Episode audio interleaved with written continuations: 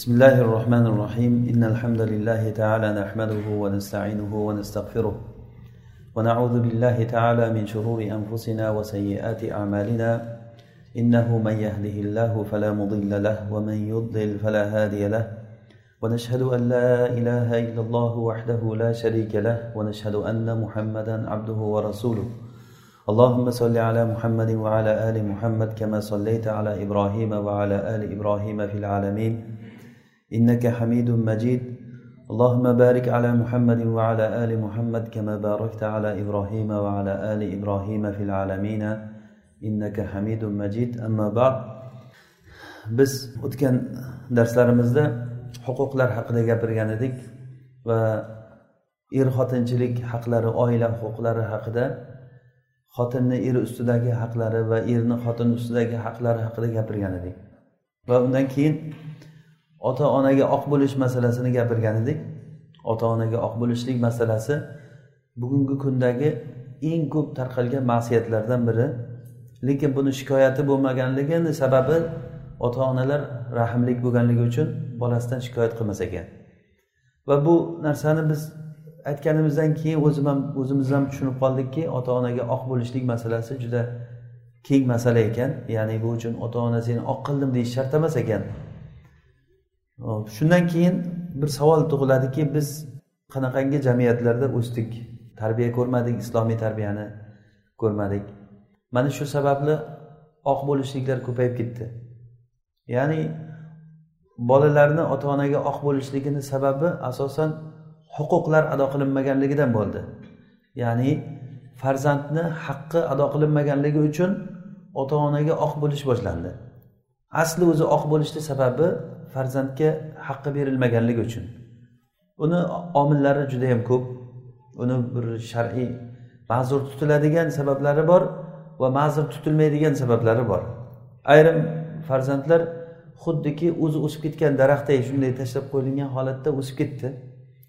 Ba'zilari qanday bir jamiyatlarda o'sdi va yana o'syapti o'zimizni qo'limiz bilan o'sha jamiyatni ta'lim tarbiyasini bolalarga olib kelib o'rgatyapmiz o'rgatmoqchi bo'lyapmiz pul berib xarajat qilib bugungi kunda men aytmoqchi bo'lgan narsam farzand tarbiyasi haqida suhbat qilmoqchi bo'ldik. O'sha oq bo'lish masalasidan keyin bu dars o'zi qilish kerak bo'lgan narsa ekan. Chunki bola ota onaga oq bo'lishni sababi huquqlar ado qilinmaganligidan farzand tarbiyasi ado qilinmaganligidan bo'lar ekan asosiy sababi. Alloh subhanahu va taolo odamlarni yaratgan paytda hammani to'g'ri fitratda to'g'rilikni qabul qiladigan mukammal qilib yaratgan. Ya'ni inni xalaqtu ibadi hunafaa. Alloh taolo hadis qudusiyda aytadiki men bandalarimni hanif qilib to'g'ri yaratdim. Xuddiki masalan tuya bolasi tug'ilgan paytda biror joyda qulog'i qirqilgan joyni ko'rasizlarmi? Burni qirqilgan qulog'i qirqilganligini ko'rasizlarmi? Yo'q. Rosta kamiga hamma joyi sog'lom quloqlari joyida burni joyida. Odamlar uni qirqadi. Xuddiki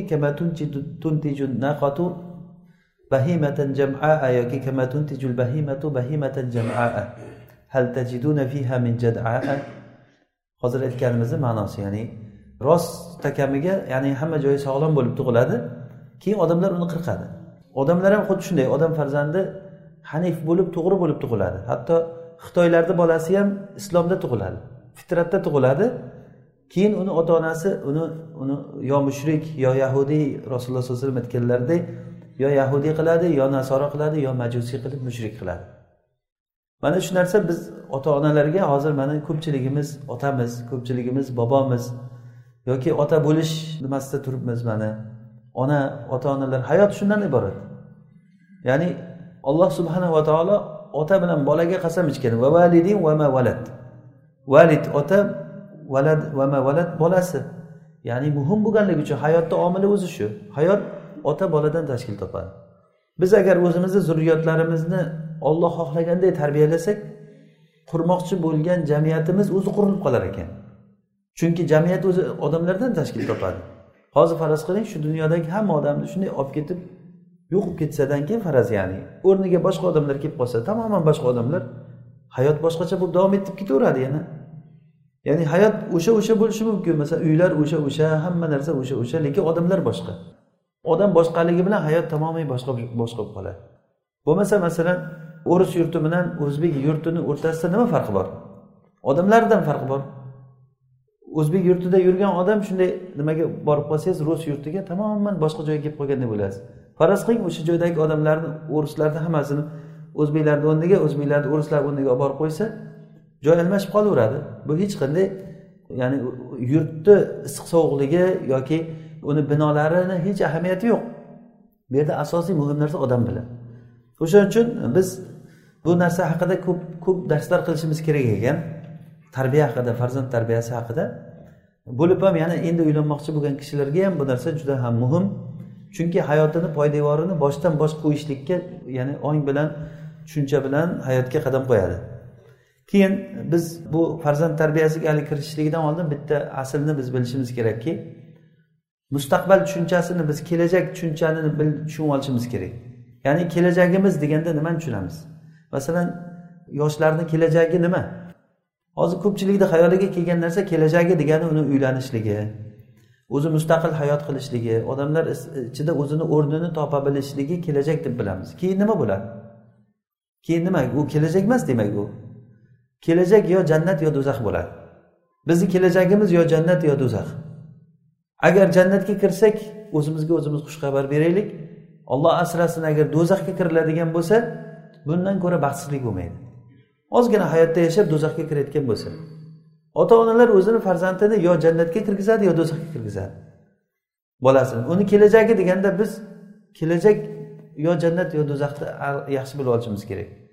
Mana shu bilan keyin biz shu darsimizni yoki shu tushunchamizni shuni ustiga quramiz. Bizni kelajagimiz oxirat bilan hisoblanadi. Dunyo bilan oxirat ikki xil hayot deyiladi bu bosqich e'tibori bilan. Aslida bitta hayot. Bitta hayotligi oxirat dunyoni ustiga qurilgan. Shu dunyoda hozir siz qanday bo'lsangiz oxiratda o'rningizni shunday bilavering. Hozir kimni jamoatidasiz tog'ut kofirlarni jamoatida bo'lsa tog'ut kofirlar bilan birga bo'ladi. Agar musulmonlar jamoatida bo'lsa rasululloh sollallohu alayhi vasallamni sunnatida bo'lsa o'sha rasululloh sollallohu alayhi vasallam bilan birga bo'ladi. Hatto rasululloh sollallohu alayhi vasallam kishi jannatda kim yaxshi ko'rsa o'sha bilan birga bo'ladi degan hadisda aytganlarida sahobiylar uncha o'sha bilan xursand bo'lganchalik hech xursand bo'lmagan ekan. Ya'ni eng katta xursandchilik shu bo'lganki biz rasululloh bilan birga bo'lamiz ekan deb. Chunki rasulullohni yaxshi ko'rganlar. Bu hadis bizni ham xursand qilishi kerak. Chunki biz xursand bo'lishimiz kerak rasulullohni yaxshi ko'ramiz. Biz yaxshi ko'rganligimiz uchun rasululloh sollallohu alayhi vasallam bilan birga bo'lishlik mana va'da qilyapti alloh taolo hammamizni oqibatimizni xayrli qilsin. Jannatda rasululloh sollallohu alayhi vasallam bilan birga qilsin. Mana shunday katta yutqizishlikka olib kelib qolma olib kelib qolmasligi uchun biz buni bilishimiz kerak. Hozirgi kunda eng achinarli bir holatlardan biri farzandlarimizni shundoq tashlab qo'yganligimiz. Bizni eng yana bitta noto'g'ri tushunchalardan biri farzand tarbiyasi deganda faqat farzandni o'stirish o'ylaniladi. Xuddiki qo'y boqqanday yo mol boqqanday o'stirish hisoblanadi. Masalan qo'y boqqanda nima qilasiz? Suviga qaraysiz ovqatiga qaraysiz issiq sovuqiga qaraysiz. Hozir aksar odamlar illaman rohima robbiy farzandini xuddi shunday molday tarbiya qiladi. Buni qo'pol aytganda molday tarbiya qilish deyiladi. Ya'ni yeyish ichishligiga ba'zilar yeyishishiga ham qaramaydi. Bolalar o'zi topib o'zi kelib ko'chadan nima izlasa izlab topib yeb katta bo'lib yotibdi. Hatto ota onasiga olib kelib bersa o'sha bilan xursand bolam bir narsa topib keldi. Qayerdan topib kelding? Nimadan olib kelding? Buni deyish yo'q. Hamma narsa yeb ichishga qaratilib qolgan. Dirham va dinorni quliga aylanib qolgan odam. Bolani kelajagi deganda masalan bolalarim hammasi yaxshi bo'ldi uyli boyli joyli bo'ldi odam bo'ldi deyiladi. O'sha odam bo'lgan odamga qarasangiz aroq ichadi zino qiladi yolg'on gapiradi namoz o'qimaydi. Odam bo'lgan odam shu. U odam bo'lganligi qanaqa? Odam bo'lgan uylangan bola chaqali bo'lgan va ikkinchi xotinga uylanmagan odam bo'lganligi va puli bor hech kimdan qarz emas. Ana shu odam bo'lgan odam shunday tushuniladi bizda. Bu noto'g'ri tushuncha bu. Mana shu bizni jamiyatda buzilib ketishligiga olib kelyapti. Keyin biz tarbiya deganda biz asl tarbiya rasululloh sollallohu alayhi vasallamni manhaji bu tavhid ustiga qurilishi kerak. Hozir bizda odamlarni hammasida tushunchasida zamon rivojlanib ketdi degan bir tushuncha bor. Oldingidan ko'ra qoloqlik zamoni oldin qumlarni ustiga o'tirib daraxtlar tagida masalan yozib o'rgangan bo'lsa hozir konditsionerlarda butun rivojlangan bir nimalarda o'tirib dars qilyapmiz deyiladi ya'ni. Dars beradigan muallimlar ilgari yirtiq kiyimlarda kirib dars bergan bo'lsa hozirgi muallimlar boshqacha shaklda kelyapti. Galstuk toqqan oq e, kostyum shim kiygan va hokazo masalan. Tarbiya rivojlanib ketdi deb qaralinadi mana shu narsaga. Lekin bu eng katta adashishlik bo'ladi. Eng katta adashishlik biz tarbiya deganda o'zi bolani o'stirish o'stirish. Masalan bir daraxtni tarbiya qilishni o'ylang. Shu daraxt katta bo'lishi uchun nimalar qilish kerak? Masalan hammamiz ko'zimizni oldiga keltiraylik daraxtni shuni tashlab qo'ysangiz qanday katta bo'ladi? Qayoqqa qarab o'stirsangiz shu yoqqa qarab o'sadi. Bu yoqqa qiyshayib o'ssin debsiz bir orqangga baylab tortib qo'ying shu tomonga qarab o'sadi. Bir tomonga o'ssin deng bir tomonga qarab o'sadi.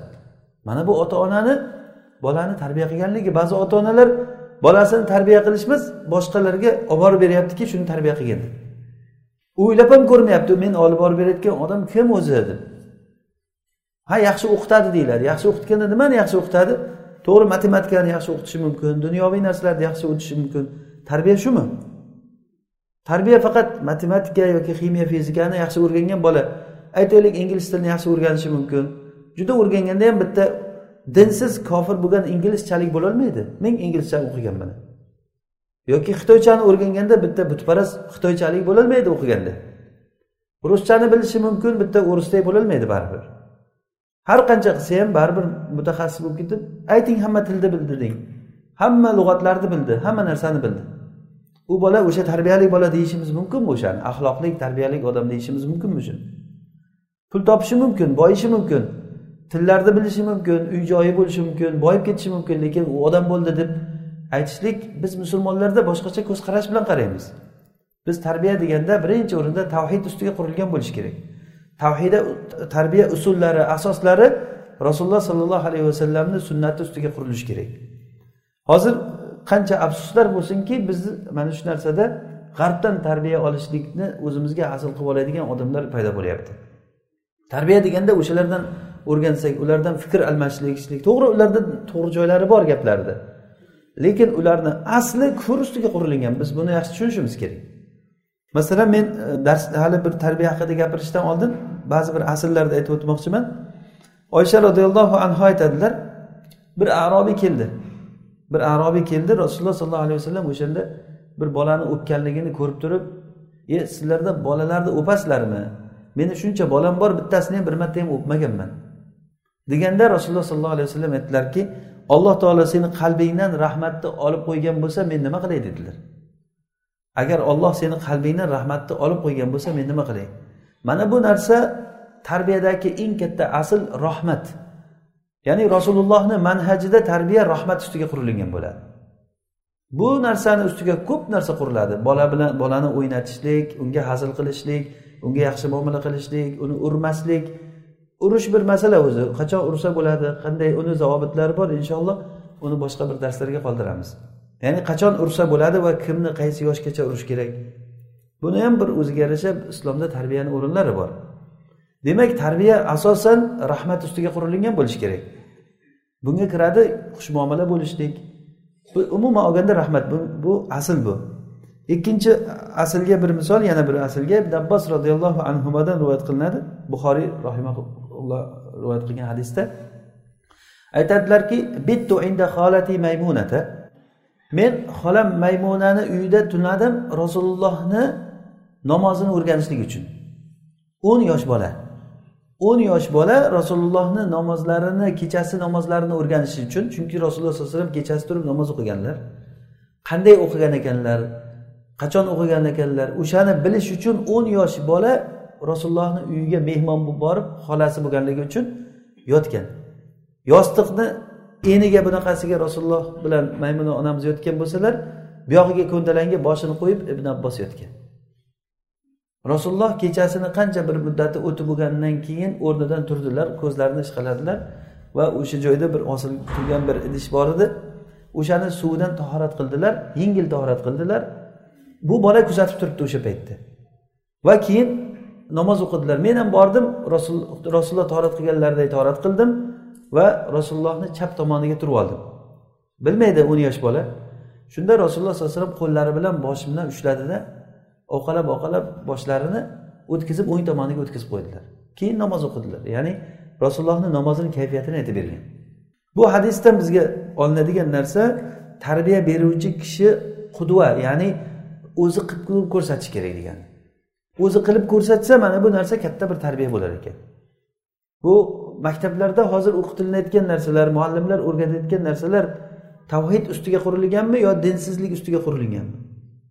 Agar dinsizlik ustiga qurilgan bo'lsa bo'ldi u tarbiyani umuman umid qilib o'tirmang yerda yana bo'lib ham maktablarda o'qitilayotgan narsada o'g'il qizlar aralash o'qisada u yerga borgan bola so'kishni ham o'rgansa fahshni ham o'rgansa bo'ladigan hamma yomonlikni o'sha yerdan o'rganib kelsa ertalabdan u kechgacha o'sha bolalar bilan birga yursa qiz bolalar bilan birga yursa bo'yiga yetgan o'g'il bola qiz bola bitta sinfda o'tirsa ularga yana boyagi bemazachilik o'rgatilsa hammasini qo'lida telefon hammasini qo'lida ochiq o'sha faxsh suratlar gaplar nimani umid qilishimiz mumkin u bolalardan? Nimani?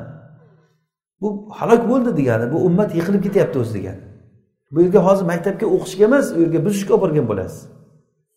Agar tarbiya deganda biz faqat o'sha o'qigan o'qish yozishni o'rganganligini yo matematika fizika ximiyani ozroq o'rganganligini hisobga olmasak agar u tarbiya emas o'zi aslida u. Ta'lim u. Ta'lim boshqa narsa tarbiya boshqa narsa. Hali ta'limga kelganimizda ham ta'limni bosqichida nima o'rganish kerak birinchi o'rinda? Hech narsani bilmaydigan ollohni tanimaydigan qur'on o'qishni bilmaydigan odam qo'shish ayrishni sanash chizishni yozishni bilsa o'sha odam ilmli hisoblanadimi? Sahobalarni aksari o'qish yozishni bilmagan ummiy bo'lgan lekin ilmli kishilar bo'lgan. Ular chunki qur'onni yaxshi tushungan. Qur'on hammasi mana shu ilm qur'onda. Yana bir misol umar ibn abi salama. Umar ibn abi salama bu hadis muttafaqun alayhi hadisda aytadilarki men rasululloh sollallohu alayhi vasallamni qaramog'ida edim. Ya'ni rasululloh sollallohu alayhi vasallam ummu salamaga uylanganlarida uni kichik o'g'li bo'lgan umar degan. Abu salama vafot etgandan keyin rasululloh sollallohu alayhi vasallam uylanganlar rasulullohni robibi bo'lgan ya'ni rasulullohni uyida rasulullohni qaramog'iga kelgan. Bir kuni ovqat yeb o'tirganimizda men ovqatni u yog'idan bu yog'idan olishni boshladim. Shunda rasululloh sollallohu alayhi vasallam aytdilarki ya g'ulam ya g'ulam sammillah va kul biyaminik va mimma yalik. Ya'ni ey bola alloh taoloni ismlagin birinchi o'rinda ovqat yeyish paytingda bismillah degin. Keyin o'ng qo'ling bilan yegin va oldingdan olib yegin birovni oldidan olib yemagin deydi. Yosh bolaga aytgan gaplari. Shunda abu o'sha umar ibn salama aytadiki men bundan keyin hayotimda oxirigacha bo'lgan hamma ovqat yeyishim xuddi shunday bo'ldi degan qachon ovqat yesa bismillah o'ng qo'l bilan o'zini oldidan olib yegin. Bu tarbiyani asli bo'ladiki tarbiya aynan bir ish munkar ish qilingan paytda joyida aytilingan tarbiya haqiqiy tarbiya bo'ladi. Bu narsani balkim bir qancha kitoblar o'qib bir qancha nazariy jihatdan o'qib yodlab o'rganolmasligi mumkin odam. Lekin joyi kelganda muallim shunday gapirib qo'ysa mana shu narsa tarbiya bo'ladi. Mana bu narsa biz hozir bilishimiz kerak bo'lgan narsa. Birinchidan mustaqbal tushunchasi kelajak tushunchasi nima? Va ikkinchidan tarbiya nimaga qurilgan bo'lishi kerak? Tarbiya rasululloh sollallohu alayhi vasallamni asli manhajlariga qurilgan bo'lishi kerak. Ibn abbos roziyallohu anhu aytadilar ibn umar roziyallohu anhu qur'an. Biz iymonni qur'ondan oldin ta'lim oldik degan. Keyin qur'onni o'qigan paytimizda qur'on nima desa shunga ergashib ketaverdik degan. Demak farzandlarimizni biz qur'onni yodlatishdan oldin. Hali u hisob o'rgatishlik o'qish yozishni o'rgatishlik u keyingi o'rinda turayotgan narsa. Qur'on yodlatishdan oldin farzandlarimizga iymonni o'rgataylik. Yosh bola agar tavhidda o'ssa tavhidda katta bo'lsa mana shu narsa uni qalbiga tavhid quyilib qoladi. Mana bu tarbiya bo'ladi. Agar kim farzandini tavhid ustida tarbiyalagan bo'lsa u tarbiyaladim desa bo'ladi. Tavhid ustida tarbiyalamasa u faqatgina o'g'lini katta yigit qilib semirtirib qo'ygan bo'lsa u tarbiyaladi deyilmaydi. Balki jamiyatga juda ham yomon bir odamlarni yetishtirib chiqargan bo'lishi mumkin. Billah. Yoki do'zaxga kirgan paytda o'sha do'zaxga kirib ota onasini ham do'zaxga tortib ketayotgan bola bo'lishi ham mumkin. Xuddiki hazir alayhissalom bilan muso alayhissalom voqeasida bir bolani hizr alayhissalom borib o'ldirganlarida muso alayhissalom nega o'ldirding buni? Hech bir ayb qilmagandiku bu deganda aytdilarki bu bolani ota onasi solih odam edi. Shu solih odamni bu bola o'zi ba'zi rivoyatlarda innal g'ulama kana qad kafiron bu bola kofir qilib yaratilingan ekan o'zi.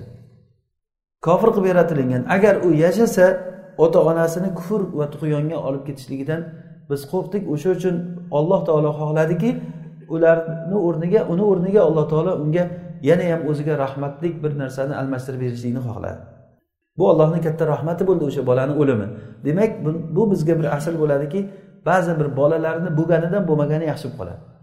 Bo'lganidan bo'lmagani yaxshi. Shuning uchun o'nta farzandim bor o'n beshta farzandim bor balam ko'payib ketdi deb xursand bo'lmang. Bolangiz solihmi solih emasmi o'sha bilan xursand bo'lish kerak. Qul bi fadlillahi va bi rahmatihi falyafrahu. Ollohni rahmati bilan ollohni fazli bilan mana shu bilan xursand bo'lishlik kerak. Iymonni biz hozir ibn umar aytganlaridek iymonni biz qur'ondan oldin o'rgandik deganliklari iymon degan narsa shuki xoliqingizga robbingizga biror bir e'tiroz bildirmay buyrug'ini olishni qabul qilish degani. Iymon degani olloh o'tir desa o'tiramiz tur desa turamiz o'ngga desa o'ngga chapga desa chapga yuradigan bo'lamiz. Mana bu iymon bu. Farzandlarni mana shu ruhda ruhiyatda tarbiyalash kerak. Ularni robbisi xoliqi olloh ekanligida. Buni buzish uchun din dushmanlari hamma vositalarni ishga solgan. Hozirgi kunda bu texnika vositalarini rivojlanib ketganligi musulmonlarga emas din dushmanlariga xizmat qilyapti bu narsa. Islohga emas fasodga ko'p xizmat qilyapti. Buni dalili qaysi bola? Agar kompyuter telefonni tushunmasa o'sha solihroq bo'ladi tushungan odamdan ko'ra. Buni hammamiz kuzatyapmizmi yo'qmi? Qaysi qiz bolani qo'lida shu telefoni yo'qmi? O'sha soliha bo'lib qoldi hozir. Telefoni bo'lgandan keyin albatta faxsh munkar ishlarga qaraydi ko'radi. Kim kafolat bera oladi? Bolalarni qo'ying o'zimizga kim kafolat beradi unga? O'zimiz katta odamlarga hech kim kafolat bermaydi. Bu narsani haromga qaramaslikni. Farzandni qo'liga bu narsalarni berib qo'ygandan keyin bu buzilishdan boshqa yoqqa olib kelmaydi. Keyin demak bu huquqlar haqida gapirar ekanmiz. Birinchi o'rinda farzandlar haqida biz uchta tarafdan gapiramiz. Farzandni yaxshilik tomonlari bor va yomonlik tomonlari bor. Buni albatta bir tezlik bilan biz gapirib o'tib ketishimiz kerak. Va keyin uchinchisi huquqlar bor. Huquqlar. Farzandni yaxshilik taraflari birinchidan farzandlar ziynat bu. Farzandlar bu ziynat bu. Al malu val banuna zinatul hayati dunya. Mol va farzandlar dunyo hayotini ziynati dedi. Haqiqatda bunday masalan bola bor joy bilan yo'q joyda farqi bo'ladi. Agar bolalar ko'p bo'lsa qanchalik ziynat? Hayotni ziynati quvonchi shu bolalar bilan. Ya'ni yoshlar bor ekan hayotda bir yaxshilik bor. Faraz qiling bir qishloqda hamma chol kampirlar yig'ilib qolgan bo'lsa odam qo'rqib ketadi borgandan keyin bu yerda nima bo'lyapti ekan? Ya'ni yoshlar ko'p bo'lgandan keyin o'sha joy bir ziynatli bo'lib yaxshi bo'lib ko'rinadi. Ikkinchidan farzandlar ko'z quvonchi bu. Ya'ni hammamiz bilgan narsalar bu. Hatto ya'ni alloh taologa duo qilgan paytimizda biz shu bilan duo qilishlikka alloh taolo o'rgatdi. Ya'ni bizga min azvajina va zurriyatina qurrata ayun. Ya'ni bizni oilamizdan va farzandlarimizdan bizga ko'z quvonchlarni bergin deb duo qilishlikni alloh taolo bizga o'rgatdi. Demak farzand bu ko'z quvonchi ko'rgan odam ko'zi quvonadi. Hatto charchab turgan paytda ham odam farzandini ko'rgan paytda butun ko'chadan tashqaridan charchab uyga kirganda ham farzandini bir qiliqlarini ko'rib uni gapirishligini sizga qilayotgan qiliqlarini ko'rib odam butun charchoqlari esdan chiqib ketadi odamni. Uchinchisi farzand ota onasini kasbi bu. Ya'ni kasbi degan nima degani? Ota onasini qilayotgan amali farzandiniki ota onaga savobi bo'laveradi uni tarbiyalagan bo'lsa agar. Masalan farzandga namoz o'qishni o'rgating o'sha o'qigan namozidan ota onaga ajri boraveradi. Ta'lim bersa yaxshi ta'lim bersa qur'on o'qishni o'rgansa o'rgatsa o'sha o'qigan qur'ondan ota onaga savobi boraveradi. Ya'ni ota onani bu kasbi bu. Ya'ni har bir odam o'zini qilgan kasbini ajrini oladi g'allasini yig'ishtirib oladi. Demak farzandlar farzandlar ota onani mehnatidan kelgan narsalar deyiladi bu. O'zi aslida mehnat qilib hech narsa ham qilmagan xosatan ota masalan lekin uni mehnati nimada bo'ladi? Birinchidan o'sha farzandni urug'ni egasi shu ikkinchidan u bolani o'sib o'ngancha shu kafolatiga olgan uni yedirgan ichirgan katta qilgan. Demak farzand shu odamni ekkan bog'i o'stirgan bog'i. Mana shu bog' bu odamni kasbidan bu bog' meni kasbim deydiku bu odam. Ekin ekkanman bu meni ekinim bu. Shu ekin yaxshi bo'lsa sizga yaxshi. Shu ekin yomon bo'lsa sizga yomon. Ekin agar narx ko'tarilib qimmat bo'lib ketsa sizdan boy odam yo'q. Agar kasod bo'lib ketsa hamma qilgan sarf xarajatingizga kuyib qolaverasiz. Farzand ham xuddi shunday. Mana bu yaxshilik tomonlari. To'rtinchidan bola ota onasini jannatda darajasi jannatda darajasi ko'tarilishlikka sababchi bo'ladi. Hattoki e, hadisda kelgan ekan bir kishi jannatda darajasi ko'tariladi. O'zi ham hayron qolar ekan odam ey robbim men bunchalik amal qilmagan edimku nega darajam ko'tarildi? deganda unga aytdilar ekanki bolang senga istig'for so'raganligi uchun der ekan. Demak farzandlar ota onani haqqiga istig'for so'rashligi ya'ni ota onasini o'tib ketgan bo'lsa yoki tirik bo'lsa ham yoki o'tib ketgan bo'lsa xosatan uni o'tib ketganlar farzandlar bir ma'lum bir payt ota onasi eslab keyin esdan chiqib ketib qoladi. Uni doim eslab turib alloh taolo qur'onda aytgan ey robbim ota onamga o'zing rahm qilgin xuddi meni yoshligimda meni tarbiyalagani kabi. Yoshlikda tarbiyalashda ota onani rahmatidek rahmatni tasavvur qilib bo'lmaydi xalq ichida o'zi o'lsa ham shu bolani yashashligini xohlaydi. O'zi yemasa ham shu bolani yedirib qorni to'q bo'lishligini xohlaydi. Mana shunday rahmatni sizdan qaytadigan jazosi ularga ularni haqqiga istig'for so'rash. Demak odamni shu jihatdan qaraganda qancha farzandingiz ko'p bo'lsa ularni istig'for so'rashligi ota onaga shunchalik foydasi bor bo'ladi. Beshinchidan bola ota onasini ota onani amalini ziyoda bo'lish amalini davom etishlikka olib keladi. Rasululloh sollallohu alayhi vasallam aytdilarki ibnu adam anhu amaluhu illa an agarda odam o'ladigan bo'lsa dunyodan o'tadigan bo'lsa uni amali tugaydi illo uchta narsadan amali tugamaydi. Birinchisi shundan birinchisi aytdilarki valadin solihin lahu. Uni haqqiga duo qilayotgan solih bola. Demak bu yerda hozir ikkita shartni aytdilar rasululloh sollallohu alayhi vasallam. Birinchisi solih bola bo'lishi kerak ikkinchisidan duo qilish kerak. Demak solih bola otani onani haqqiga duo qilsa agar go'yoki uni amali tugamadi degani. Bu qanchalik baxt bu? Masalan biz o'lsak amalimiz tugaydi. Shuning uchun o'lguncha to'xtamay amal qilishlikka hammamiz haris bo'lamiz. Nima bo'lsa ham bir yaxshilikni qilib qolay bir kun bo'lsa ham bir soat bo'lsa ham bir daqiqa bo'lsa ham hatto bitta xurmoni yarmini berib bo'lsa ham do'zaxdan saqlaninglar dedi rasululloh sollallohu alayhi vasallam. Bu amalimiz asqotadi. Joyi kelganda mana shu o'tirgan majlisimiz balkim bizga shu shafoatchi bo'lib qolar qiyomat kunida turgan paytimizda shu turinglar mag'firat qilingan holatda turinglar deyilinadigan jamoatdan qilsin. Mana shu bir amal masalan shu asqotib qolishi mumkin. Olloh biladi buni o'sha uchun biz ollohdan so'raymizki shu oxirigacha umrimizni oxirigacha yaxshi amal qilishlikka harakat qilaveramiz. Farzandi ko'p bo'lib solih bo'lib uni haqqiga duo qilayotgan kishilarni amali qiyomat kunigacha amali tugamaydi degani bu. Masalan ibrohim alayhissalomni farzandlarini ayting. Ibrohim alayhissalomni farzandlaridan ismoil va ishoq. Ularni farzandlaridan keyin qiyomat kunigacha bo'layotgan payg'ambarlar chiqdi. Butun aimmalar imomlar shularni zurriyotlaridan chiqdi. Endi bu amalni qiyomat kunigacha davom etganligini ko'ringda. Bu baraka hech qachon tugamaydi. O'sha uchun ham ibrohim alayhissalomni barakasichalik barakani tasavvur qilish qiyin ekan. Eslaringizda bo'lsa baraka darsimizda buni aytgan edik. Hatto bu baraka shunchalik katta bo'lganligidan rasululloh sollallohu alayhi vasallam ummatiga aytdilarki ibrohimga berilingan barakani ham menga berilishligini so'ranglar. Har namozda allohimma barik ala muhammad va ala ali muhammad kama barakta ala ibrohim. Xuddi ibrohim alayhissalomga baraka berganingdek rasulullohga baraka bergin deb so'rashlikni bizga o'rgatdilar. Har namoz aytamiz buni har namoz. Nega ibrohim alayhissalomni barakasini so'radilar? Chunki ibrohim alayhissalomga berilingan barakachalik hech kim barakaga yetisholmaydi. Mana shu barakalardan biri farzandlari. O'zi farzandlari ko'p emas edi. Qarigan paytda topgan farzandlari bittasi ismoil bittasi ishoq.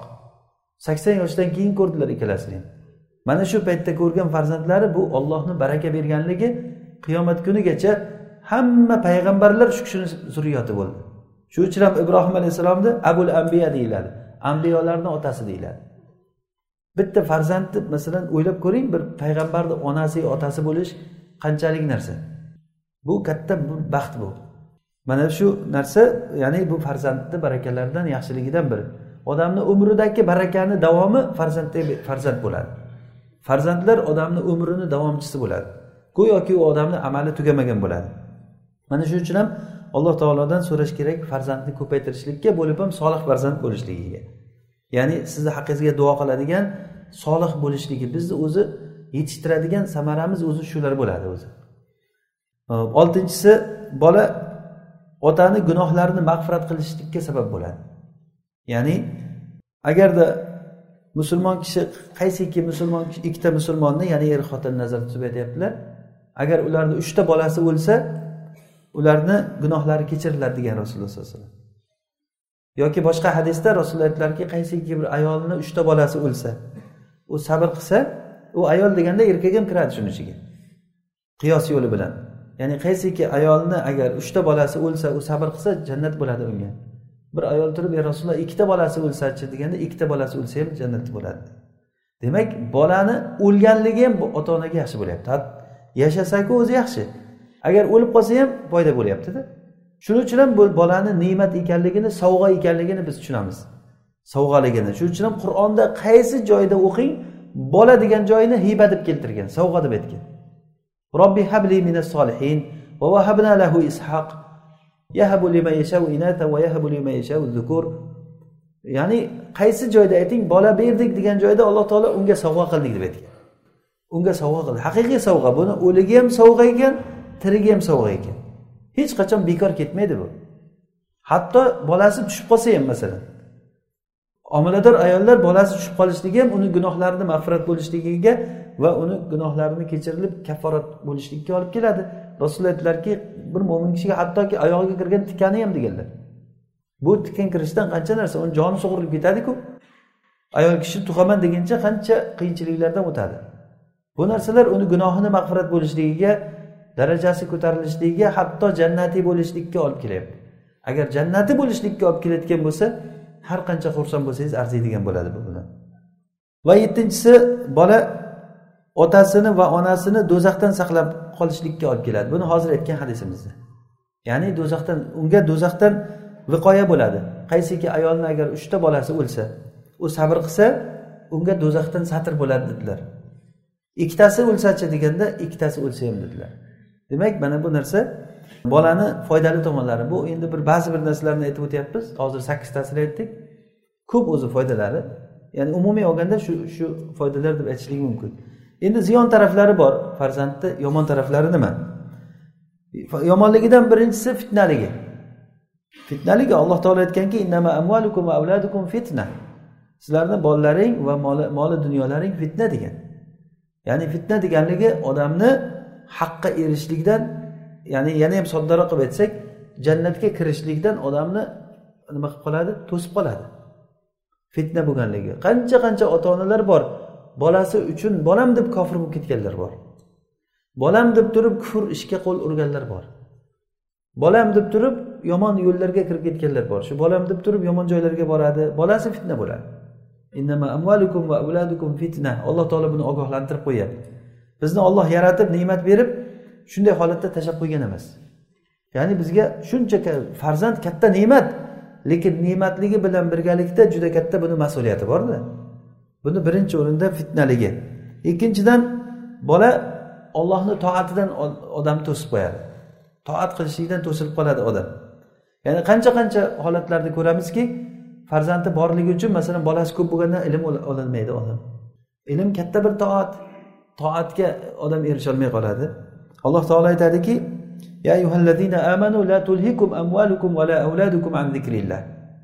ey iymon keltirganlar sizlarni bolalaring va moli dunyolaring ollohni zikridan to'sib qo'ymasin degan.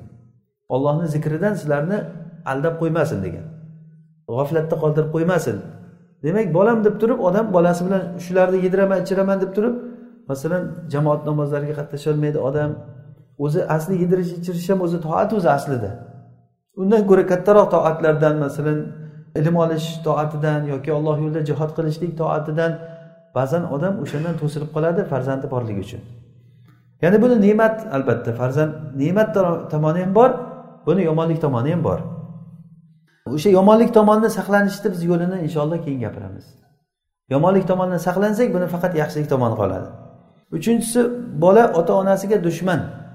Ya'ni bola ota onasiga dushman. Nuh alayhissalom o'g'illari cho'kib ketayotgan paytlarida ey o'g'lim kel men bilan birga kemaga mingin deganda o'g'li aytdiki yo'q men toqqa boraman. Tog' meni qutqarib qoladi shu gapni aytgandan keyin keyin o'rtalariga bir to'lqin kelib ko'zini oldida o'g'illari cho'kib ketdi. Shundan keyin nuh alayhissalom allohga duo qildiki ey robbim meni o'g'lim meni ahlimdan edi. Robbi innabni min ahli va inna va'dakal haq seni va'dang haq. Sen o'zing eng rahm qiluvchi eng haq bilan hukm qiluvchi zotsan ey robbim meni o'g'limni kechirgin deganda alloh taolo aytdiki qola ya nuh innahu laysa min ahlik. Ey nuh u farzand seni ahlingdan emas u degan shunda seni ahling emas deganda demak bu nuhdan bo'lmagan ekanmi nuh alayhissalomdan? Boshqadan bo'lganmi bu? degan hasha va kalla bunaqangi shuncha kelmaydi ham o'zi kelishligini oldini olish uchun alloh taolo aytyaptiki innahu amalun g'oyri solih. U nasabda sizni o'g'lingiz u lekin u g'oyri solih solih bo'lmagan amalni qilgandan keyin go'yoki u sizni o'g'lingiz emas sizni dushmaningiz u degan. Qancha qancha farzandlar bor otasiga dushman bo'ladi. Qancha qancha farzandlar bor oxiratda u dushman bo'lishdan oldin oxiratda dushman bo'lishligidan oldin shu dunyoni o'zida ota onasiga dushman bo'lgan farzandlar bor. Ota onasini o'lishini xohlab yurayotgan farzandlar bor. Qachon o'layekan shular qutular ekanman? Qachon shular o'ladi shularni merosini olaman deb turib ularni o'limini kutib yashayotgan farzandlar qancha? Buni biz hozir misol keltirib yotishimiz shart emas. Har birimizni xayolimizda voqeda ko'zimiz bilan ko'rganmiz ota onasiga dushman bo'lgan farzandlarni. O'sha bolalarni boya aytganimizdek boridan yo'g'i yaxshi bo'lib qoladi. Boridan yo'g'i yaxshi bo'ladi. Chunki dushman qancha bo'lsa ham kami yaxshi bo'ladi. Agar dushman bo'ladigan bo'lsa. To'rtinchisi to'rtinchisi bola qo'rqoqlikni sababchisi bo'lar ekan. Ya'ni bola qo'rqoqlikka sabab bo'ladi. Bu ham bolani yomonlikka olib kelayotgan narsa yomonlik tomonlari. Ya'ni o'sha bola tomonidan bola sabablik odam qo'rqoq bo'ladi. Masalan olloh yo'lida jihodga chaqirilgan paytda bolalarim yetim qolib ketmasin deb odam qo'rqadi va toatdan qolib ketadi. Yoki ilmdan qoladi. Va yana bola beshinchidan beshinchisi baxillikka sabab bo'ladi. Olloh yo'lida sadaqat qilib yurgan odam bola chaqasi ko'p bo'lgandan keyin oldingi sadoqatlarni qilishlikdan qo'rqib qoladi. O'zi aslidaku qancha nafaqa qilsa bu narsa tugamaydi bu narsa. Ya'ni bo'lgan sari bo'laveradi bo'lgan sari bo'laveradi. Lekin bu narsaga odam baribir bola bo'lgandan keyin bu fitna bo'ladi sabab bo'ladi baxillik va qo'rqoqlikka sabab bo'ladi. Va yana bola xafalik sababchisi. Xafalik sababchisi. Qancha qancha ota onalar bor bolasi sababli qancha xafalikka uchraydi. Bolasi kasal bo'lsa ota ona kuyadi. Bolasi solih bo'lmasa qancha kuyadi ular? Eng yomoni do'zaxga kirgan paytda. Agar bolasi do'zax do'zaxi bo'lib ketsa ota onaga qanchalik og'ir bu narsa. Ya'ni ota onani juzi bu bola ota onani juzi bu. Alloh taolo aytyaptiki alloh taologa bandalaridan juz'ay valada degan. Bolalar ota onani juzi hisoblanadi bo'lagi. Ya'ni ularni yomonlikka ketishligi ota ona o'zini jigarini bir yomonlikka uchrashligi bilan qanchalik xafa bo'ladi? Ho'p yettinchisi dunyo bilan aldanib qolishlikka bola sababchi bo'ladi. Ota ona boshqa narsalarga odam bolalari bilan mashg'ul bo'lgandan keyin ba'zi bir kishilarni ko'rasiz shu bolam chaqam deb hayotdan o'tib ketadi.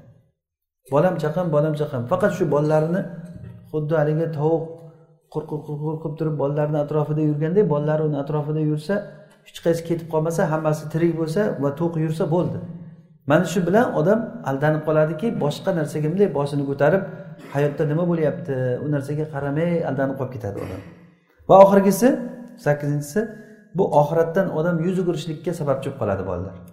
Faqat shu dunyoligim bo'lsa bo'ldi oxirat bilan ishi bo'lmaydigan narsa. Demak bolani hozir foyda taraflari ham bor ziyon taraflari ham bor. Bu umumiy olganda ba'zi ba'zi narsalarni aytib o'tdik. Asosiy bizni darsimiz huquqlar ya'ni bolani haqqini ado qilishlik. Alloh taolo bizga haqlarni vojib qildi. Shu haqlarni ado qilishlikni bizga buyurdi. Bu ixtiyoriy masala emas bu. Bolaga xohlasang boq xohlamasang ochidan qoldir yo xohla tarbiyala xohlamasang tarbiyala degani emas bu. Biz xohlaymizmi xohlamaymizmi? Namoz o'qishlik qanchalik vojib bo'lsa bola tarbiyasi shunchalik shunchalik darajada bizga vojib. O'lgunimizcha hech qachon bu bolalarni shunday tashlab qo'yishligimiz bizga mumkin emas. Shundan birinchisi huquqlarni birinchisi bolani fitratini saqlash kerak ota ona ya'ni bolani alloh taolo hanif qilib ya'ni fitratda to'g'ri qilib yaratgan. Mana shuni fitratini saqlashlikka harakat qilishlik kerak. Ya'ni fitrat qanday? To'g'rilikni sevadigan fahsh munkar ishni yomon ko'radigan yolg'onni yomon ko'radigan baxillikni yomon ko'radi adolatsizlikni yomon ko'rish inson fitratida bor bo'lgan narsa. Ota ona tarbiyada mana shu fitratni buzishga harakat qiladi. Masalan yoshligidan bir borib turib kallasini bir devorga urib olsa yo bir taxtaga urib olsa taxtani uradi. Ha taxta yomon taxta bu taxtada ayb deydi. Bola bu yolg'on emasmi? Taxtada emasku ayb. O'zidaku bolani. Aybi ayb o'zida. Noto'g'ri yurdi noto'g'ri harakat qildi yiqildi masalan. Uni ovutishlik uchun aybni taxtaga o'tkazamiz. Ha yomon. Taxta yomon deyiladi. Bu bilan fitrat buzilishlikka olib keladi. Ya'ni bir oddiy bir misolda bu. Buni endi kattartirib ko'ravering. Mana shu inson fitratida to'g'rilik bilan yaratilinganmi? Farzand tarbiyasida to'g'ri qilib turib o'stirishlikka harakat qilish kerak. To'g'ri narsani to'g'ri deb noto'g'ri narsani noto'g'ri deb o'rgatish kerak bolaga. Ba'zida eng yomon yolg'onlardan biri ota onasini aytmay katta qiladi bolani masalan asr bola asrab olgan odamlar seni otang menman deydi masalan. U otasi emas o'zi uni. Bir qarindoshi yo amakisi yo bir narsasi bo'lishi mumkin. Otang menman deydi. Yolg'on bilan o'sha otasi emas kishini ota deb onasi emas ayolni ona deb bola katta bo'ladi. Va katta bo'lgandan keyin bilib qoladi u baribir. Alloh taolo buni harom qilgan bu ishni. Demak bolani hanif ya'ni fitratda o'stirishlik birinchi vazifamiz bo'lishi kerak. Ikkinchidan bolani aqlini saqlashlikka harakat qilish kerak. Aqlini saqlashlik. Bu narsa hozirgi kundagi mana bu telefonlar aqlni ketkazishlikka sabab bo'ladi. Bu telefonlar ko'zni nurini ketkazyapti aqlni ishlashligini buzyapti bu. Hatto buni nimalar ham aytyapti ishlab chiqarganlar ham hamma buni tabiblar ham aytadi bola kompyuter bor uyda telefon bor uyda uxlatmanglar deydi. Biz boshimizga qo'yib uxlaymiz buni. Uxlab qolguncha qarab o'tiriladi. Turgandan birinchi paypaslab shu birinchi qarayotgan narsa odam telefonga qaraydi. Bolalar ham xuddi shunday bo'lib qolgan. Bu narsa shuning uchun ham hozir qarang ko'pchilik yoshlarni ko'zida ko'zoynak bilan yuradi. Sababi shu ko'z nuri ketyapti bu bilan. Buni nurlanishligi qanchalik uni aqliga ta'sir qilyapti biz bilmaymiz buni. Demak bolani aqlini biz rioya qilishimiz kerak xuddi qorni to'yishligi va uni boshqa holatlariga e'tibor berganimiz kabi kasal bo'lib qolmasin issiq sovug'iga qaraymiz. Xuddi shunday eng muhim narsa uni ichki tomoniga birinchi o'rinda qalbiga fitratiga qarashimiz kerak va uni nima aqlini saqlashlikka harakat qilish kerak. Uchinchisi bolani do'zaxdan saqlaydigan ishni qilishimiz kerak. Do'zaxdan. Uni nima bo'lsa ham shu bolam uvalik bo'lsin juvalik bo'lsin deb boyib ketsa yo bir mansabga o'tkazishlikka harakat qilinadi. Masalan bolangizga ta'lim o'rgatmoqchisiz. O'qishga o'qitmoqchisiz? Qaysi o'qishga o'qitasiz? O'shanda hozir ota onalar ko'z qarashligi mustaqbal deganda kelajak deganda biz boshdan asl qo'ydikku kelajak bizda nima bilan qarashimiz kerak? Yo do'zaxga yo jannatga. Biz kelajak shu. Bu qilayotgan ishi uni do'zaxga olib boradimi jannatga olib boradimi? O'shanga qarab qadamini qo'yish kerak odam. Ota onalar bo'lsa o'zini farzandini nima bo'lishini xohlaydi? Farzandini kelajagi yaxshi bo'lsin deb turib odamlarga zulm qiladigan o'qishlarga kirgizmaydimi? Kelajagi yaxshi bo'lsin hech kimdan xor bo'lmasin hech kimdan zor bo'lmasin odamlarni ichida mazlum bo'lib qolmasin deb turib zolim qilib tarbiyalashga harakat qiladi. Ya'ni farzandini sen odamlardan kaltak yeb kelguncha sen urib ket deydi bolasiga. Ba'zi bir joylarda shunday tarbiya beradi. Men oldimga kaltak yeb kelma deydi. Urib kel meni oldimga deydi. Haq bo'lsang ham nohaq bo'lsang ham. Mana bu bolani do'zaxi bo'lib ketishlikka odam tarbiyalab katta do'zaxni katta o'tini qilib turib tarbiyalab qo'yishligi mumkin ota. Demak bu narsaga nima jannatga olib boradi nima do'zaxga olib boradi? Ota onani katta vojibi bo'lishi kerak bu. Bu narsa masalan masalan g'arb diyorlariga olib borib kufr diyorlarida bolalarini tarbiyalayotgan odamlar bolasini olib borib turib o'sha kofirga borib turib mana uni tarbiyala men bolamni deb olib borib beradi. U olib borib bermasa ham majbur olib borishga. Olib borib bermasa uni qo'ymaydi ham hech kim. Majbur ya'ni. Lekin o'zini ixtiyori bilan borgan o'sha yerga ana shu joyda bola nima bilan tarbiya topyapti? Do'zaxiy bo'lib tarbiya bo'ladimi jannatiy bo'ladimi ya'ni biz do'zaxiy jannati deb hech kimni hukm qilolmaymiz lekin yo'l qanaqa yo'l u? Ma'siyat yo'limi yo toat yo'limi? Mana o'zi aytsin tarbiyalayotgan odamlar bu qanaqa yo'l? Bu albatta ma'siyat yo'li kufr yo'li. Odamlar bolalarga boshidan boshlab ularga do'zax yo'lini o'rgatadi. Ota onang senga xo'jayin emas. Bu g'arb nimasini tarbiyasini bola tarbiyasidagi birinchi asosi shakni o'rgatar ekan bolaga. Ya'ni subut degan narsani o'zi yo'q. Solih degan odamni o'zi yo'q. Solih degan odamga ham shak qilib qara deb o'rgatar ekan. Bolalarga o'rgatadi shuni.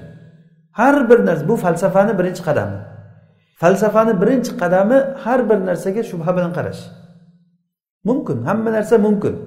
Masalan har qanday solih odam bo'lsa ham bu odam yomon bo'lishligi ham mumkin degan e'tibor bilan qaraydi. Har qancha yomon bo'lsa ham yaxshi bo'lishligi mumkin degan e'tibor bilan qaraladi. Ya'ni bu degani dinsiz qarashlarda bir juda xatarli qarash bu. Keyin uni hurriyat ustiga qurilinganligi aslida u ubudiyat u shaytonni qulligi. Hurriyat deganda ularni ozodligi shayton uchun qul bo'lish degandan boshqa narsa emas bu. Bolaga sen ozodsan sen erkinsan bilgan ishingni qilishliging kerak. Nima qilmoqchisan nima qilishni xohlaysan zino qilishni xohlasang seni erking bu bu seni haqqing lekin yaxshi emas deb o'ylayman men bu ishni. Qilmaganing yaxshiroq deb o'ylayman. O'zicha tarbiyachida endi bu. Shunaqa tarbiya beriladimi? Subut degan narsani o'zi chunki ular asl o'zi ollohga ibodat qilish degan narsani olib kelmagan. Ya'ni luqmon luqmonil hakim haqida alloh taolo qur'onda o'g'liga tarbiya berish vasiyati haqida gapirganda ya bunayya la tushrik billah. Ey o'g'lim ollohga shirk keltirmagin dedi. Inna shirka la zulmun azim. Bolaga gapirilayotgan gap bu. Qaysi ota o'zini o'g'liga shunday deb gapiradi? Ey o'g'lim ollohga shirk keltirmagin. Shirk eng katta zulm deb qaysi ota o'zini farzandiga o'rgatyapti hozir? Biz farzandlarga mana shu tavhidni o'rgatishimiz kerak.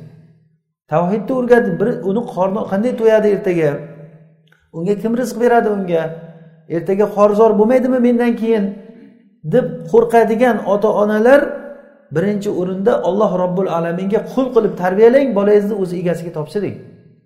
Bola u sizniki emas alloh taolo sizga bergan sovg'a u.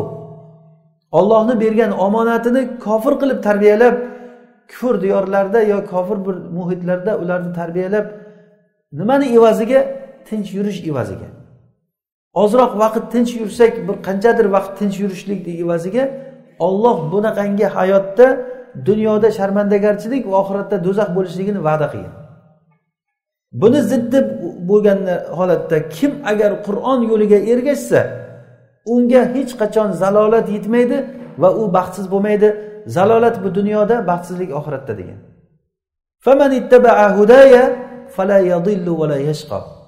Kim agar meni hidoyatimga ergashsa u baxtsiz bo'lmaydi adashmaydi va baxtsiz bo'lmaydi. Ya'ni dunyoda adashmaydi u odam. Oxiratda ham dunyoda ham oxiratda ham hech qachon baxtsizlikka uchramaydi. Biz hammamiz xohlaymiz farzandlarimiz baxtli bo'lsin deb xohlaymiz lekin haqiqiy baxt saodat qayerda haqiqiy baxt saodat jannatda sirot ko'prigidan o'tib bo'lgandan keyin o'zizga o'ziz xushxabar bering. Jannatdan baxt saodatdan xushxabar beravering ana shu paytda xursand bo'ling qancha xursand bo'lsangiz. O'sha sirotdan o'tgan odam haqiqiy imtihondan o'tgan odam bo'ladi. Lekin ungacha hali bizni oldimizda katta yo'llar bor. Bu borayotgan yo'limiz hammasi hozir shu bugungi kundagi biz tanlayotgan yo'lga qarab bo'ladi. Biz farzandlarimizni qayerga olib beryapmiz? Kimni tarbiyalatyapmiz?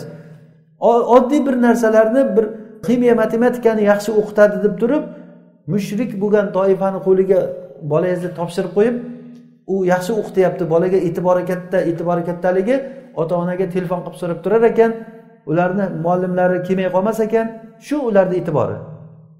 Lekin gap u e'tibor bergandan ko'ra bermagani yaxshi emasmi ularni? Bunaqangi e'tibor bo'layotgan bo'lsa. Allohu mustan ya'ni bu bu bu uchun juda ko'p e, biz e, o'ylashimiz kerak chunki bu bolalar bizni kelajagimiz agar shu farzandlar tavhidda katta bo'lsa hayot juda tezlik bilan o'zgarib ketadi. Ollohni tavhid qiladigan ollohga ibodat qilayotgan bir avlod yetishib chiqadi bizni e, avlodlarimizda to'rtinchidan bolalariga doim ota ona ulardan ko'z quloq bo'lib turish kerak. Oddiy masalan bir dehqonchilik qilgan odam yo chorva qilgan odam bir mol boqqan odam qo'y boqqan odam doim kuniga uni suviga o'tiga boshqasiga qarash kerak.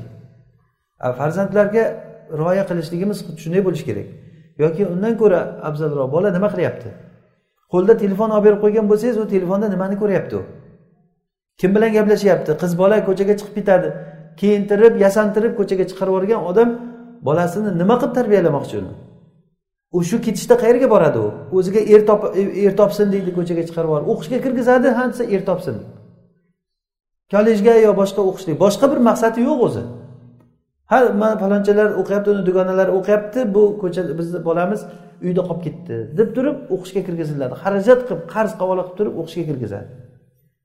Buni orqasidan nima chiqadi keyin? Qancha qancha o'qishni o'qiyotgan qizlar yigitlar aralash quralash bo'lib turib zino ishlari qanchalik bo'lyapti buni? Hammamiz guvohi bo'lib turibmizku buni. Qanday zino bo'lmasin ular? Birorta bir tavhiddan gapirayotgan odam bo'lmasa tarbiya bo'lmasa hammasini qo'lida bir parchadan telefon ichi to'la fisq fasod bo'lsa ichi to'la fisq fasod boshqa narsa emas u. Ko'rayotgan narsasi shu bo'lsa eshitgan narsasi shu bo'lsa bir biriga o'rgatsa bolalar. Qanday qilib turib ulardan bir solih bir jamiyatni muhitni biz kutib olishligimiz mumkin bo'ladi bundan? Mana bu bizni katta bir kelajagimiz bizni qo'rqitib kelayotgan narsa shu. Tushunmagan odamlardan xafa bo'lmaysan odam. Ba'zi bir tushungan odamlar men bir qori kishi bilan munozara qilib qoldim. Qori o'ttiz pora qur'on yodlagan odam. Bolalarini eronga o'qishga olib olib beribdi shiyalarga. Qizlarini yana a men aytdim shuncha joy bo'lsa shuncha joy qurib ketdimi senga o'qitishga? Desam ular deydi bizni ummatda deydi hozir qoloqlik bor bizda deydi hech nima hozir bir islom ummati degani faqatgina deydi mullalar degani emasku deyapti.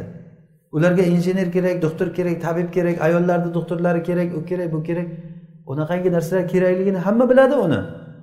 Lekin o'sha narsalar kerak bo'lsin seni farzanding senga jannati bo'lishi ham kerakmi? Shu yo'li bilan jannati bo'ladi deb aytaverasan qiz bolani olib borib turib shiyalarni qo'liga o'qishga topshirsa u odam. Nimani kutish mumkin undan? Alloh mustan yani qo'yni bo'riga olib borib topshirgandek bo'ladi. Balki undan ham ko'ra yomon. Bo'ri g'ajiyni yeydi qo'yadi o'sha yerda. A u odamlar farzandlarga zahar berib zahar berib keyin bizni ichimizga olib kelib tashlaydi farzandimizni. Bizni zaharlash uchun. Bizni muhitimizni buzishlik uchun. Mana shunaqangi narsalarni ko'zimiz bilan ko'rib o'zimizni qo'limiz bilan shu narsalarga hozir qadam qo'yyapmiz kim u kim? Qur'on yodlagan qoraman degan odamlar qilyapti bu ishni. Ho'p yana bir bolani huquqlaridan biri buni biz boshida o'zi aytishimiz kerak bo'lgan haqida deb o'ylayman. Bolaga soliha ayol tanlashlik. Soliha ayol tanlashlik bu bolalarni sizni ustingizdagi haqlaridan bu ham chunki soliha ayoldan soliha farzandlar vujudga keladi. Har bitta kishini orqasida bir ayol turadi degan gap bor ulamolarda. Kulli rajulin imroa har qanday erkakni orqasida ayol turadi. Ya'ni bu degani uni onasi turadi. Buxoriy rahimaulloh imom shofiy rahimaulloh abdulloh ibn muborak sufyan savriy hammalarini onasi tarbiya qilib chiqardi bular. Shofiyni yoshligida besh yoshda yetim qolgan shofiy. Lekin onasi tarbiyaladi shuni shofiy bo'lib yetishdi imom buxoriyni onasi tarbiyalagan imom buxoriy bo'lib yetishgan. Ya'ni yetimligidan katta bo'lgan odamlar mana shunday holatga yetishgan. Nima uchun? Shu ayol uchun. Rasululloh sollallohu alayhi vasallam aytdilarki tunkahul maratu. Ya'ni ayol kishi uylaniladi to'rtta narsa uchun ayol kishi nikohlaniladi. Chiroyi uchun va nasl nasabi uchun va moli dunyosi uchun va dini uchun. Qaysini ixtiyor qilishni aytdilar alayka bidati din taribat yadak. Baraka topgir dindorini ixtiyor qil deganlar hozir yoshlar mana shu jihatdan o'zi qadam qo'yishda o'zi xato qiladi. Chiroylimikan chiroyli emasmikan? deb so'ralinadi solih solih emasligini so'rashdan oldin chiroyi so'ralinadi agar bir soliha bir ayol bo'lsa xunuk bo'lsa va soliha bo'lmagan fosiq bo'lgan bir chiroyli qiz bola bo'lsa o'sha chiroylisiga uylanadi qo'yib bersa hozir yoshlarga. U o'ylab ham o'tirmaydi undan undan keyin keyin o'zi uni chiroyi ham ko'ziga ko'rinmaydi. Hamma muammolar shuni boshiga kelaveradi. U a desa bu b deb turadi. Farzandlarni bu tarbiyalayman degan yo'lga u yurg'izmaydi. O'zi ota farzandiga ko'p ta'sir o'tgandan ko'ra ona ko'p ta'sir o'tkazadi. Chunki bola doim onasi bilan birga bo'ladi. Ota safarlarda yuradi ko'chada yuradi. Yoq bu yoqlarga ketadi. Yoki u dunyodan o'tib ketishi mumkin. Yoki masalan jihodlarga boradi ota ketib qolishi mumkin. Onani qo'lida qolib ketadi. Kim tarbiyalaydi ularni? Ona tarbiyalaydi sizni zurriyotingizni biz hozir darsni boshida aytgan sakkizta foydani ololmay qolasiz boladan. Siz olmoqchi bo'lgan manfaatni siz kutgan narsa bo'lmay qolishi mumkin. O'sha uchun soliha ayolni qo'lida qolsa bolangiz siz xotirjam bo'lasiz. Ketganingizda sizga xiyonat qilmaydigan farzandlarni tavhid ustida tarbiyalaydigan ayol kishi. Ya'ni kishini eng katta bizni vazifamiz birinchi o'rinda o'sha bolalarga soliha ayol tanlashlik bilan bo'ladi.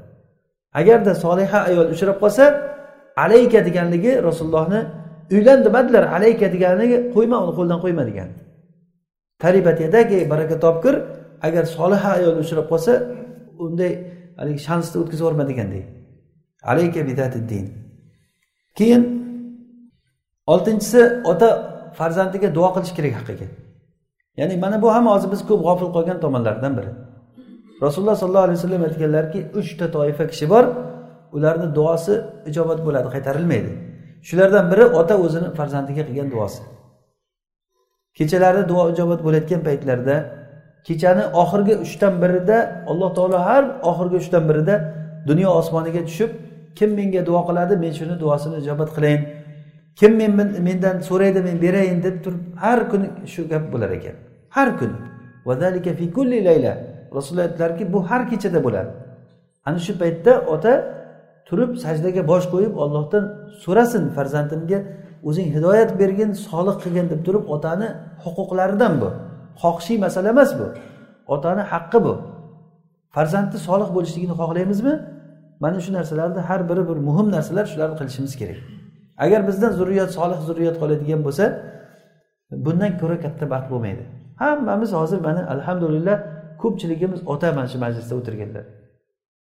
Ko'pchilik ota mana bu bolalar bizga katta omonat bu.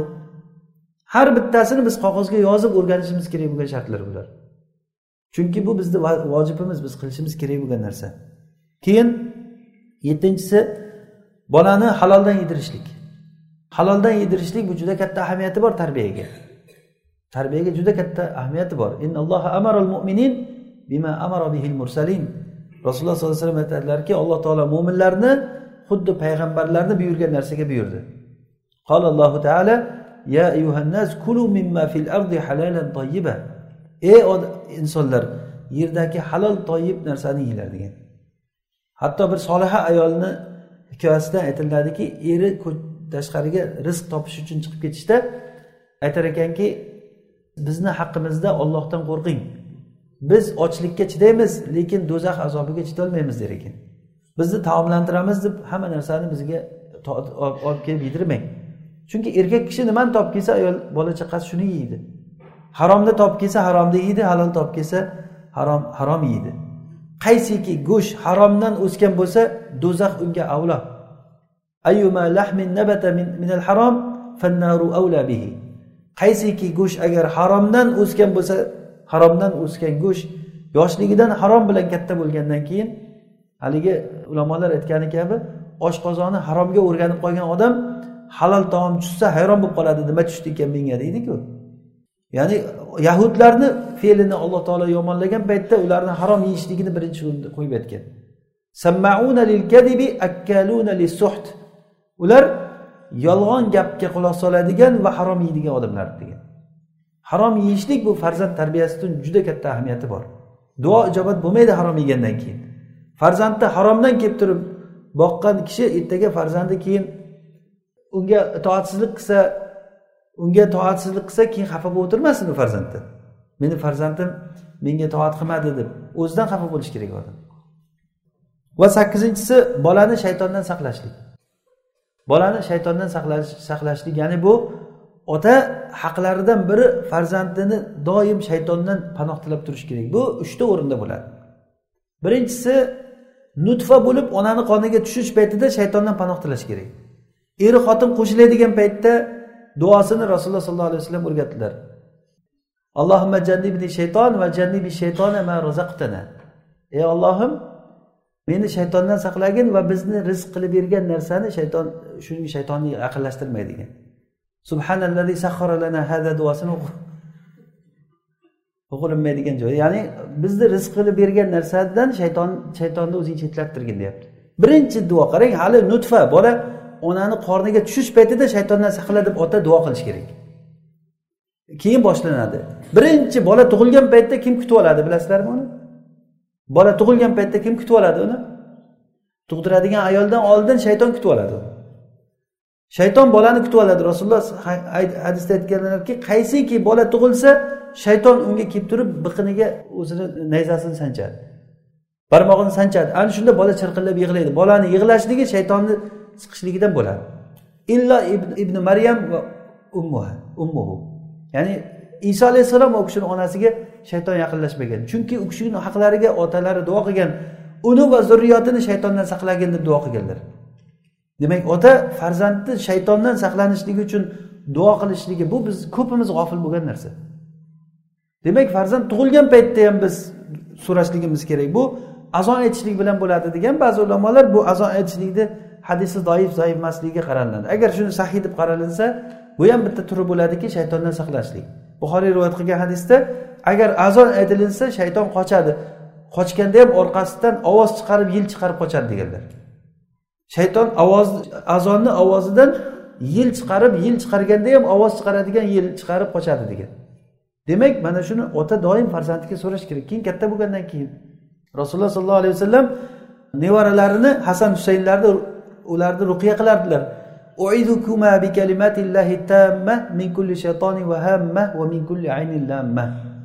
Ya'ni sizlarni men shaytondan panoh tilayman ko'zdan panoh tilayman olloh nomi bilan deb ruqiya qilardilar. Demak farzandlarga mana shu shaytondan ularni saqlash kerak. Shayton doim odamga nima qiladi? Masalan bir joyda bir dushman bor ekan yo bir kasal bor ekan desa bolasini hech kim o'sha yerga olib bormaydi masalan bir qishloqqa bir kasal tarqagan ekan desa o'sha qishloqdan iloji boricha ko'chib ketishga harakat qiladi yoki bormaydi? Bormaslikka harakat qiladi. Demak agar shaytondan iloji bor shaytonni dushmanchiligini alloh taolo o'zi aytib qo'ygan. Shuning uchun ham shaytondan doim bolalarni saqlashlik bu ota onani vazifasi bo'ladi so'rash kerak. Biz shaytonni ko'rmaymiz. Shaytonni ko'rmaymiz. U doim ishi bizga zarar berish bilan farzandlarga zarar berish bilan. Mana hozir ko'rib o'tiribmiz qancha ichimizda ba'zi birodarlarga kelib turib shayton o'zini askarlari bilan hujum qilyapti. Buni ruqiya bilan shar'iy yo'li bilan ollohdan panoh tilab bu narsalarni yo'qotishlik kerak. Alloh subhanava taolo hammamizga foydali ilm bersin. Alloh taolo eshitganlarimizga amal qilishlikka o'zi tavfiq bersin. Alloh taolo darslarimizni davomiy qilsin. Alloh o'zi barakat bersin darslarimizga. Zurriyotlarimizni solih qilsin. Alloh taolo o'zini tavhid qiladigan o'zini haqiqiy tavhid qilib alloh taoloni yolg'izlaydigan tavhidda turadigan zurriyotlarni bizdan chiqarsin سبحانك اللهم وبحمدك نشهد أن لا إله إلا أنت نستغفرك ونتوب إليك صلى اللهم وبارك على عبدك ونبيك محمد عليه الصلاة والسلام